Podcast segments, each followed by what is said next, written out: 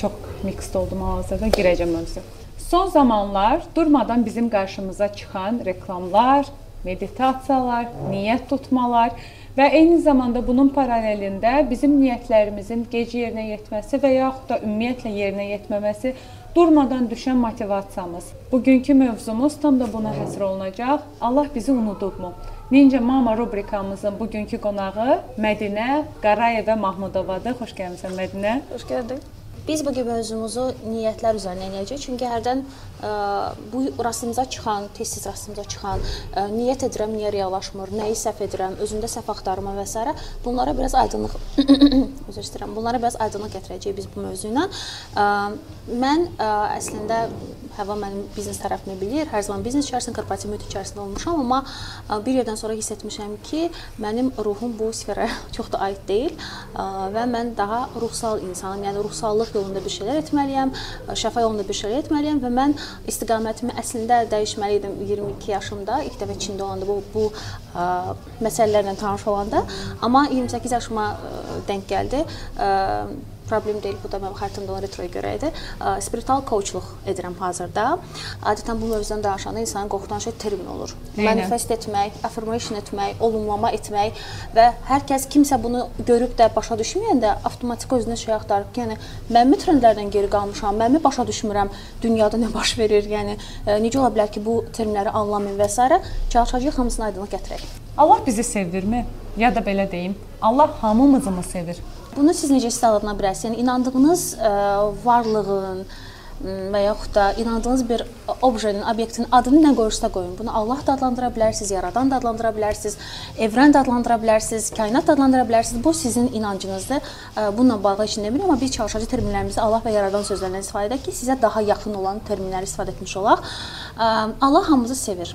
Bu bilirsiniz nəyə oxşayır? Valideynin sual verirlər. Məsələn, sənə sual versəm ki, Emiri çox istəyirsən, yoxsa daha çox Amiri çox istəyirsən, sən arada ə, seçim edə bilmərsən. Emir səhv də edəndə onu çox sevəcəksən, Amir də səhv edəndə onu çox sevəcəksən. Eyni şey ə, yaradanla bağlıdır. Yəni düşünün ki, evdə handmade bir şey hazırlayırsan, ya səbət, nə bilim, xırda bir dekorda və onu daha əzizləyirsən, daha ortaya çıxardırsan, çünki o, onu əllə yaratmısan və eyni ə, düşüncəni tətbiq edin yaradanla sizin aranızdakı münasibətə. Yəni yaradan səni yaradıbsa, əlbəttə ki, səni ə, təmənnasız və qarşılıqsız sevir. Ə, bəs belə bir şey deyək də, ə, əgər yaradan Allah bizi sevirsə, niyə bir niyyətimiz tez yerinə yetir və birimiz bu niyyət üçün durmadan çalışırıq, amma eləmiz də var ki, heç nə etmədən bizim artıq niyyətimiz yerinə yetir. Okay. Birinci başlıq niyyət nədir? Çünki hamı elə bilir ki, ə, arzulama, xəyal qurma və s. bunlar hamısı niyyətə aiddir. Ə, əslində o cür adlandıra bilərsiniz, amma niyyət özü belə deyim də, ə, niyyət etmək bizi ümidləndirir, sabaha ümidləndirir, yaşamağa ümidləndirir. Yəni düşünün ki, başımıza bir problem gəlsə, bir problem rastlaşsaq, niyyətimiz olmasa içimizdəki ə, tez qurtulum, ay Allah bu problemi həll edin və s.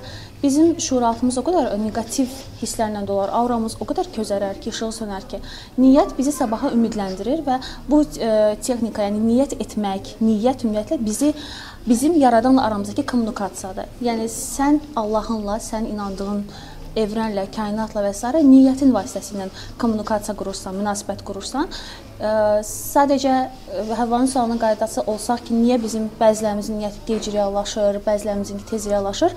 Əslində burada çox sadə bir mexanizm var, belə deyə, belə izah edim. Düşün ki, sən meyvə şirəsi içirsən və çöplə içirsən meyvə şirəsini. Sən ə, içərisində meyvənin qabığı, ləti olmadığı halda sən o meyvə şirəsini çox rahat içəcəksən. Hı -hı. Amma araya qabıq qaçanda, araya, araya meyvənin nə bilim ləti qaçanda falan sənin nəfəsin daralacaq, daha güclü nəfəs sərf etməli olacaqsan. Yəni sənin meyvə şirəsi içmə həm zamanın uzanacaq, həm keyfiyyətin aşağı düşəcək, həm də həmin ləzzəti almayacaqsan. Eyni şey də bizim niyyətlərimizə bağlıdır. Yəni niyyətimizi etdiyimiz texnika ilə bağlıdır. Gəlin indi vizualizasiya edək. Siz yəni daha yaxşı anlaması üçün hər kəsin. İnsanı götürək, yəni bir insan düşünün. İnsanın qarnından və yaxud da orqanın hər hansı birindən, sadəcə insanın özündən 3 cif borusunun çıxdığını düşünün. Bu cif borumuz biri anamıza bağlanır, biri atamıza bağlanır, biri də yaradana bağlanır. Niyə? Çünki bizim əmələ gəlməmizdə, ərsəyə gəlməmizdə bu üç varlığın rolu var. Hı -hı.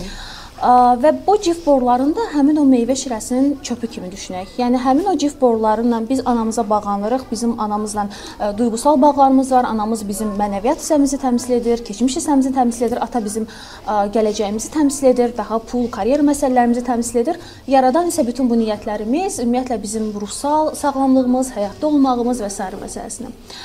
Bu bloklar nə qədər təmiz olacaqsa, nə qədər belə deyim də çöpündə meyvə şirəsi qabığı olmay, meyvə ləti qabığı olmayacaqsa, sənin niyyətin də o qədər tez reallaşacaq. Ananla münasibətlərə görə sənin mənəviyyatın da hər zaman ə, yaxşı olacaq belə deyim, auran daim işıqlı olacaq. Atanla olan münasibətlərə görə isə sənin pul blokajların olmayacaq, karyera blokajların olmayacaq. Bunu necə etməli? Yəni ki, necə düzgün niyyət etməli?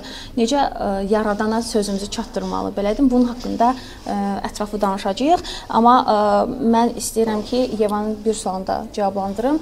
Ə, sevməkdən əvvəl Yevanın bir sualı da var idi. Ə, gec çatma və niyə çatma olan söhbətinə qayıtsaq, yəni belə deyim, həmin o cif borunuz nə qədər təmiz, duru olacaqsa, sizin niyyətiniz o qədər tez çatacaq.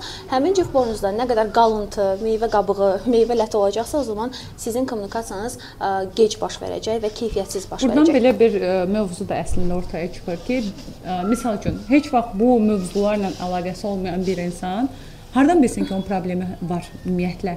Ya da hardan bilsin ki, onun problemi ana bağlarındandır, Hı -hı. ya ata bağlarındandır, ya ara, yaradanla arasında olan. Yəni bunu ə, ümumiyyətlə bu prosesləri birinci dəfə izləyən bir insan, Hı -hı. bizi misal üçün birinci dəfə dinləyən və izləyən bir insan Hı -hı. Ə, bunun fərqini necə başa düşsün və necə başa düşsün ki, okey, mənə kömək lazımdır. Sos siqnalı yanır artıq.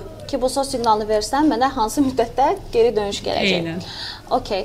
Ə, bayaq danışdığım tıxanıqlar, tıxanıqları ruhsal tərəfimizə çevirəndə, ruh tərəfimizə çevirəndə bu tıxanıqlar bizim travmalarımızdır, bizim karmalarımızdır, bizim qorxularımızdır, bizim qaranlıq tərəflərimizdir. Bütün bu ə, saydıqlarım bizdə həmin o borudakı tıxanıqları yaradır.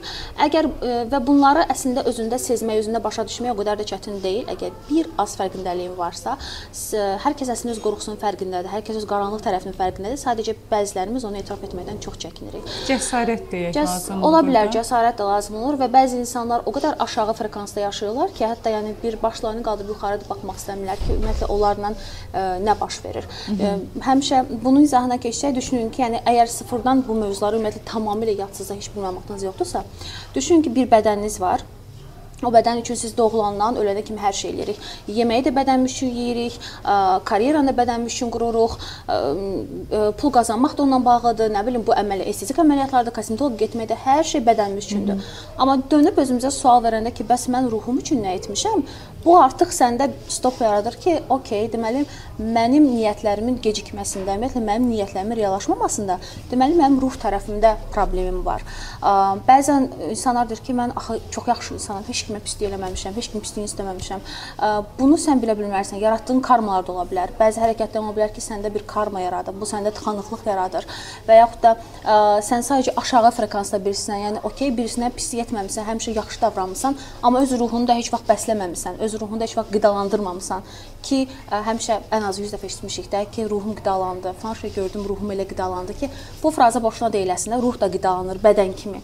Bədən necə fiziki şeylərdən, yəni material şeylərdən qidalanırsa, ruh da eyni şəkildə qidalanır. Sadəcə bu material şeylər deyil. Ümumiləşdirsək, əgər bu mövzular sizin üçün ilkdirsə və siz bilmirsiniz ki, ə, sizdə bu tıxanıqlar var, yoxdur həmin o ə, meyvə şirəsi çöpünüzdə, o zaman bir az travmalarınıza, biraz qorxularınıza, biraz karmalarınıza, biraz qaranlıq tərəflərinizə fokuslanın. Çox güman ki, ortaya çıxacaq ki, sizdə tıxanıqlar nə ilə bağlıdır. Əgər məndə heç nə alınmırsa, Allah məni unudubmu? Yaradan məni unudubmu? Okey. Yəni ümumiyyətlə inamın kökündə nə dayanır? Ə, Yaradan bizi unutmur. Necə ki sevirəm sualını, yəni yaradan bizi sevirmi sualından eyni şəkildə bu suala da cavabım odur ki, yaradan bizi unutmur. Yəni sən yaratdığın bir şeyi unutmursan, amma gözündən çox uzaqda olsa, sən onu birazcıq unuda bilərsən. Yəni amma ə, eyni şeydə bizlə yaradan arasındakı kommunikasiya aiddir. Düşün, ə, zəlzələ ə, yəni çox yaxşı olmayan bir nümunə verəcəm zəlzələdən. Düşün ki, dağıntılar altındasınız və siz ən dib dağıntıdasınız. 8-ci tutam 8 mərtəbəli binanın dağıntısı altındasınız və sizi köməyə ə, çıxarmağa gələn insanlar ə, insanlara səs göndərməyə çalışırsınız, çatmır. Çünki aranızdakı dağıntılar çoxdur, məsafələr çoxdur. Eyni şey bizim yaradana münasibətlərimizə aiddir. Əgər sən aşağı frekansdasansa və sən öz ruhun üçün heç nə etmirsənsə, aydınlanmaq üçün, yüksək frekansda, yüksək tezlikdə olmaq üçün, o zaman sənin də yaradanla kommunikasiyan eyni şəkildə olacaq. Hı -hı. Yəni zəlzələdən sağ çıxarma şəklində olacaq. Sənin səsin ona çatmayacaq, onun mesajı sənə çatmayacaq və bu biraz da Ə, yüksək frekansı necə qoşulmalıdır? Sadəcə fərqindəliyini artırmaqla, öz fərqindəliyini artırmaqla. Öz fərqindəliyin birinci etapı ruhun olmasını qəbul etməkdir. Əslində Hı -hı. çox basicdir, çox bəsitdir. Sadəcə qəbul edirsən ki, mənim material tərəfindən başqa bir də mənəvi tərəfim var, o ruhumla təmsil olunur. Hı -hı. Bunu qəbul etməklə öz fərqindəlik başlayır və Bu başlayandan sonra artıq inanın ki, bütün etaplar, bütün yollar sizin qarşınızda açılacaq. Necə bunu daha ə, e, genişləndirə bilərsiniz fərqliliğinizi? Yəni özünüz şəxsən mütaliə edərək ki, internetdə bütün resurslar var. Ə, e, YouTube-dan girib videolarını araşdırma edə bilərsiniz. Edə bilmirsinizsə əgər hər hansı bir ə, e, professional koçdan məsləhət ala bilərsiniz. Enerjisi sizə yaxın olar, özünüzə yaxın bildiyiniz, güvənə biləcəyiniz. Ə, öz fərqindəliyi artırandan sonra artıq belə deyim, siz zəlzələnin 8-ci mərtəbə, o ən dərin qatında yox, biraz daha üst qatlarına çıxmış olacaqsınız və onda sizə gələn mesajları tez qəbul edəcəksiniz və sizdən ötürülən mesajlar tez çatacaq. Ruhumuzu türklər demiş, necə tətmin edə bilərik Hı -hı. və ümumiyyətlə ruhun qidası deyirik, düzdür? O ruhun qidası nədir? Necə ki bədənimiz üçün edirik idman hərəkətləri, nə bilim, kosmetologiya etmək, gözəl görsənmək, özəl görsənmək üçün etdiyimiz bütün çabalar əslində ruhumuzun da parıldaması üçün etməliyik. Çünki ə, e, bədənimizi ə, e, belə deyim, belimiz incədir, nə bilim, e, çənəmiz incədir, burnumuz operasiyalıdır və s. bununla gözəl görsənə biliriksə, ruhu da gözəl görsənən onun işıqlı aurasıdır. Bəs bu işıqlı auran nə üçün, yəni necə yaratmaq olar? Ruhun ehtiyacı olan basic basic ünsürləri təmin etməklə. 4 ünsürdən gedir burada söhbət. Alovdan, torpaqdan, sudan və havadan. Yəni bizim ə, əslində ruhumuz bu 4 ünsürlə qidalanır və bu 4 ünsürün həmişə balansda olması və ə, həmişə bir-biri ilə də balanslı olması çox əhəmiylidir. Belə danışanda həmişə elə bilər ki, burada nəsə belə sehirli bir proses gedir, ruhun ünsürləri. Əslində hər şey çox sadədir. Ə, torpaq elementini dəstəkləmək istəyirsənsə, ə, gün ərzində ən azından 10-15 dəqiqə torpaqda gəzməlisən, ayaqyalın. Ə, bu təbii ki, həyat evi onlar üçün böyük avantajdır. bu arada torpaqda gəzmək, ə, torpaqda deməyim, qazonluqda gəzmək insana özünü möhtəşəm hiss elətdirir. Çox yaxşı terapiyadır ayaqaltı üçün. Eynən. Mən həmişə obrisi iş yerimdə işləyəndə forsuzun qabağına düşürdü. Orada qəşəng çəmənlik var eskalatorun yanında. E biz oradan həmişə ayaqqabımızı çıxardıb ayaqan gəzirdik. Təbii ki, hər kəsin o bir sənə bir, şey baxışda var ki, baş xarab falan baxışda var. Amma sənin ruhun ondan qidalanırsa, bu sənin üçün okeydir. Zaten öz fərqləri yaradandan sonra kənar sənin üçün doğrudan da blurlaşır və sən Eyni. kənar fikirlər görməməyə başlayırsan. Bu torpaq dəstəklənməsi və yaxud da əgər həyat evində yaşamırsınızsa və yaxud da havalar soyuqsa torpağa düşə bilmirsinizsə, o zaman evdə bitki saxlamaq olar, amma torpağa olan bitki, yəni vazada Canlı. bir gül yox, vazada bir gül yox, hə, torpağa olan bir bitki ki, siz torpaqla təmasda olasınız, toxunasınız, ə, nə bilim ə, gübrəsini verəsiniz, suyunu verəsiniz. Çünki torpağa ötürülən enerji qədər digər heç bir ünsürlərə ötürülən enerjinin geri qayıtması möhtəşəm olmur. Yəni ən möhtəşəm enerji torpağa ötürülən enerjidir. Ə, hətta niyyət çalışmalarında belə niyyəti edib məhz bar verən ağac dibinə bastırılması ritualı belə ən yaxşı effektiv rituallardan biridir. Daha sonra su elementini dəstəkləyə bilərsiniz. Çox sadə, sadəcə gün ərzində çox su içməklə, yəni ən azından 2 litr su qəbul etməklə. Hava elementi gördüyünüz kimi.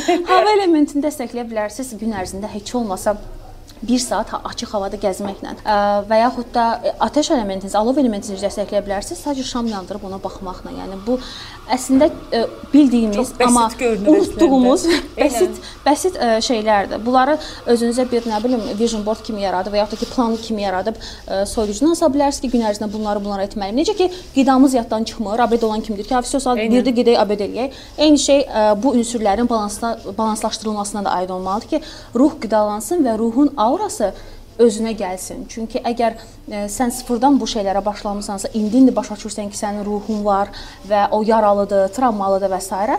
sadəcə biraz öz fərqliliyi artırmaq üçün ruhun ehtiyacı olan minimal basic 4 e, dənə ə, ünsürü təmin etməlisən. Deməli belə bir sual gəldi ki, bəzi insanlar olur ki, biz onlara nə vaxt baxırıq, onlardan bizə daim pozitiv enerji gəlir. Hı -hı. O insan neqativdir hal-hazırda, pisdir hal-hazırda. Amma o insanın aurası bizi hər zaman pozitiv kökləyir. Bunun kökündə dayanan hər hansı bir nüans varmı?